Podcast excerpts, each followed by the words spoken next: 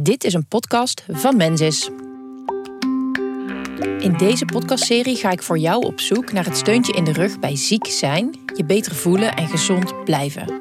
Ik ben Kim en deze week vraag ik me af hoe het is als een ander ineens jouw zorg nodig heeft. Wat doe je dan? En hoe blijf je zelf overeind? En waar kun je terecht als de zorgvraag steeds groter wordt? Deze week de zorgen van een mantelzorger. Want wat als het jou overkomt? Je kind, broer of zus heeft plotsklaps meer zorg nodig. Of die ooit zo zelfstandige ouders kunnen niet meer alles zelf en vragen steeds vaker jouw Dus Ik hulp. geloof dat het, dat het eigenlijk begon inderdaad met eh, of ik een keer met haar naar het ziekenhuis mocht. Dit is Marjan. Ze vertelt hoe ze mantelzorger werd van haar trotse tante van 96. En eh, ja, dan is het eh, de orthopeed of de cardioloog of de eh, tandarts. Ja, en dan kom je vaker en dan zijn er op een gegeven moment boodschappen. En ja, dan, dan valt ineens eh, haar vaste hulp uit. Ik weet niet, ik denk dat dat eh, heel langzaam ingeslopen is. Ze vertelt dat haar tante een kwieke oude dame is die nog veel zelf kan regelen. Ja, ze is een eh, hele intelligente vrouw. Die, eh, die zelfs op haar 86 of 96ste nog eh, achter de computer zit. Ja, ze houdt, houdt het nieuws bij. Ze... Marianne vertelt me dat ze zichzelf nu ziet als een soort mantelzorger light. Ze zorgt niet alleen voor haar tante, maar regelt ook zaken voor haar broer. Hij woont onder begeleiding op zichzelf, maar heeft er ook een hele tijd bij haar gezin ingewoond. En toen waren haar mantelzorgtaken een stuk zwaarder. Ze vertelt hoe dat zo kwam. Toen mijn moeder overleed, ehm, eh, die wo- en hij woonde bij mijn moeder op de boerderij, mijn broertje. En zij zorgde voor hem. En eh, toen werd zij ziek ineens, werd ze opgenomen in het ziekenhuis. Ja, toen ben ik naar de boerderij gereden en eh, heb hem opgehaald. En hij heeft gewoon elf maanden bij ons gezin gewoond toen. En dat vond ik echt mantelzorgen, moet ik zeggen. Zoals het bij Marianne ging, zo gaat het vaker, begrijp ik van de expert die ik spreek voor deze aflevering. Ze vertelt me dat je meestal geleidelijk mantelzorger wordt, maar het kan ook zomaar ineens gebeuren, van de ene op de andere dag. Iedereen eh, heeft kans om mantelzorger te worden. Op dit moment 1 op de 4 mensen zijn ook mantelzorger. Dit is Bianca. Ze is als professional betrokken bij Mantelzorgsteunpunt Arnhem en daarnaast bij nog twee andere organisaties. Haar eigen kind heeft extra zorg nodig en daarom weet ze goed wat het is om mantelzorger te zijn. En wat daarvan de impact op je eigen leven kan zijn. Als het impact gaat hebben op jouw leven, je zegt een keer de sportclub af, je zegt het avondje met vriendinnen zeg je af. Dat is eigenlijk wel een goed moment om na te denken over, goh, wat gaat dit in de toekomst betekenen? Gaat dit zwaarder worden? En wat wil ik hier eigenlijk mee? Want mantelzorg is in de eerste plaats ook vrijwillig. Mantelzorg is misschien vrijwillig, maar veel mantelzorgers zullen niet het gevoel hebben dat het een vrije keuze is.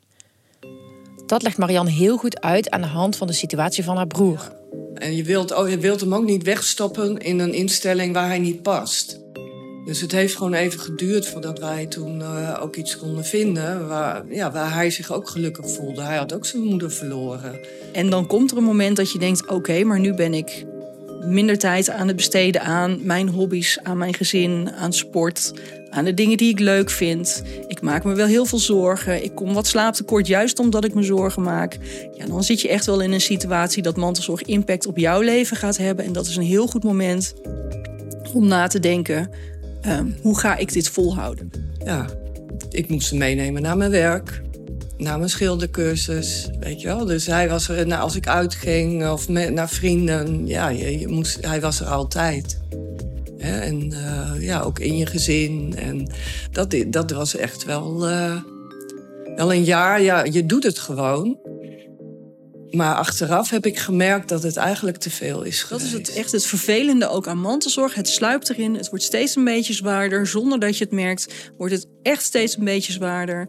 Totdat het best wel zwaar is, grote impact heeft. En dan ben je eigenlijk al misschien een beetje laat om erover na te gaan denken. Vooraf nadenken over de taken van jou als mantelzorger en alles overzien lukt natuurlijk niet altijd. Marianne legt heel goed uit hoe dat wat haar betreft komt. Vaak als je in zo'n zo'n toestand zit, dan heb je gewoon, gewoon een stresshoofd. En een stresshoofd doet het gewoon niet zo goed. En dus dan is het heel moeilijk om dingen te regelen voor jezelf. Van waar moet je dan naartoe? Je, je zit zo in die zorg en het wordt al te veel. Dan, dan doet je hoofd het eigenlijk niet goed genoeg om ook nog te kunnen organiseren dat je hulp krijgt, bijvoorbeeld. Dus dan moet je weer bij de gemeente regelen. En, en andere zorg moet je weer bij, bij het eh, CIZ eh, regelen. Het is ja, bij het zorgkantoor dan. Het is gewoon ingewikkeld voor iemand die daar nog nooit mee te maken heeft gehad. Marian legt de vinger op de zere plek. Het is niet altijd het zorgen wat het zwaarst is. Ook Bianca beaamt dat. Vooral het regelwerk maakt het heel erg complex als mantelzorger. Je wordt uh, in een wereld gezet vol met hele ingewikkelde procedures, aanvraagformulieren, uh, spelregeltjes we merken dat mantelzorgers daar vaak in verdwalen. En dat is ook heel logisch, want het is heel complex. Bianca is als professional als een vis in het water in de wereld van mantelzorg. Ze lepelt allerlei instanties, organisaties en loketjes op waar je terecht kunt. Kan je contact opnemen met uh, inderdaad je sociaal wijkteam. Een stukje met je meedenkt dus gaat over zorg. Dan hebben we daar de cliëntondersteuner, mantelzorgmakelaar voor. In de WLZ terecht is gekomen. Bijvoorbeeld dan is daar ook nog een WLZ cliëntondersteuner. Dan de huisarts is of de gemeente, het lokale mantelzorgsteunpunt. Het duizelt me. Gelukkig heeft Bianca ook goed nieuws. Als je nu denkt, nou, dit wordt zo ontzettend complex. Zij weten elkaar ook heel goed te vinden. Het, het mooie aan het mantelzorgsysteem in Nederland is dat we elkaar gewoon heel goed weten te vinden. Dus wat jouw eerst. Ben je benieuwd naar een goede plek om te beginnen? Doe dan een mantelzorgtest. Je vindt hem op menses.nl/slash mantelzorg. Je beantwoordt dan een aantal vragen en op basis van jouw antwoorden krijg je een overzicht van organisaties bij jou in de buurt die je kunnen helpen met jouw zorgvraag. Bianca heeft trouwens ook nog wel wat adviezen die minder ingewikkeld zijn. Het zijn vier tips. Dit is tip 1. Zoek mensen op die het al meegemaakt hebben. Het helpt ook heel erg om mensen om je heen te hebben die bezig zijn met hetzelfde. Ehm, dus als jij mantelzorger bent van iemand met dementie, haak ook gewoon eens een keer aan bij zo'n uh, dementiecafé, bij zo'n Alzheimercafé. Uh, Facebookgroepjes doen het ook altijd enorm goed. Mensen die tegen hetzelfde aan aan het lopen zijn als jou, die hebben gewoon misschien net eventjes twee, drie maanden voorsprong op dezelfde vragen die jij nu aan het stellen bent. En die hebben gewoon stiekem al drie maanden geleden het antwoord gevonden. Heel erg handig. Tip 2. Vertel het je werkgever. Wat ik ook mantelzorgers wil meegeven, zeker mantelzorgers die gewoon nog aan het werk zijn, vertel het je werkgever. En mijn ervaring is dat werkgevers heel graag met je willen meedenken. Maar als het wat zwaarder wordt, zijn er ook allerlei regelingen als kortdurend zorgverlof of langdurend zorgverlof, waar je je werkgever voor bij nodig hebt. Tip 3. Vraag hulp in je omgeving. Mensen helpen je graag. Bianca legt uit dat je niet te bang moet zijn om een ander iets te vragen wat je zelf juist niet leuk vindt om te doen. De ander denkt daar wellicht heel anders over. Wij als Nederlanders vragen zelden hulp. Ik vind het heel moeilijk om aan een ander hulp te vragen. En nog frappanter, als we dan hulp vragen, dan gaan we de dingetjes die wij zelf leuk vinden, waar we zelf energie van krijgen, aan een ander vragen. Is je persoonlijke netwerk echter niet zo groot, dan heeft ze nog wel een vierde oplossing om je de weg te laten wijzen binnen het regelwerk. Tip 4. De mantelzorgmakelaar. Daarvoor is er een mantelzorgmakelaar. Dat is een persoon die echt met jou gaat meekijken van wat moet er voor de zorgvragen geregeld worden, welke formulieren horen daarbij, welke stappen moeten worden gezet. En iemand naast je hebben die dat regelwerk kan gaan doen, maar die vooral die complexe weg weet. We merken dat dat zo ontzettend veel rust kan geven. Als het regelwerk zoveel wordt dat je door de boom het bos niet meer ziet, kun je dus terecht bij de mantelzorgmakelaar en die hoef je niet altijd zelf te betalen. Die wordt vaak betaald vanuit je aanvullende zorgverzekering. Ook bij Mensis wordt de mantelzorgmakelaar vergoed vanuit verschillende aanvullende verzekeringen. Ga daarvoor naar mensis.nl/slash mantelzorgmakelaar.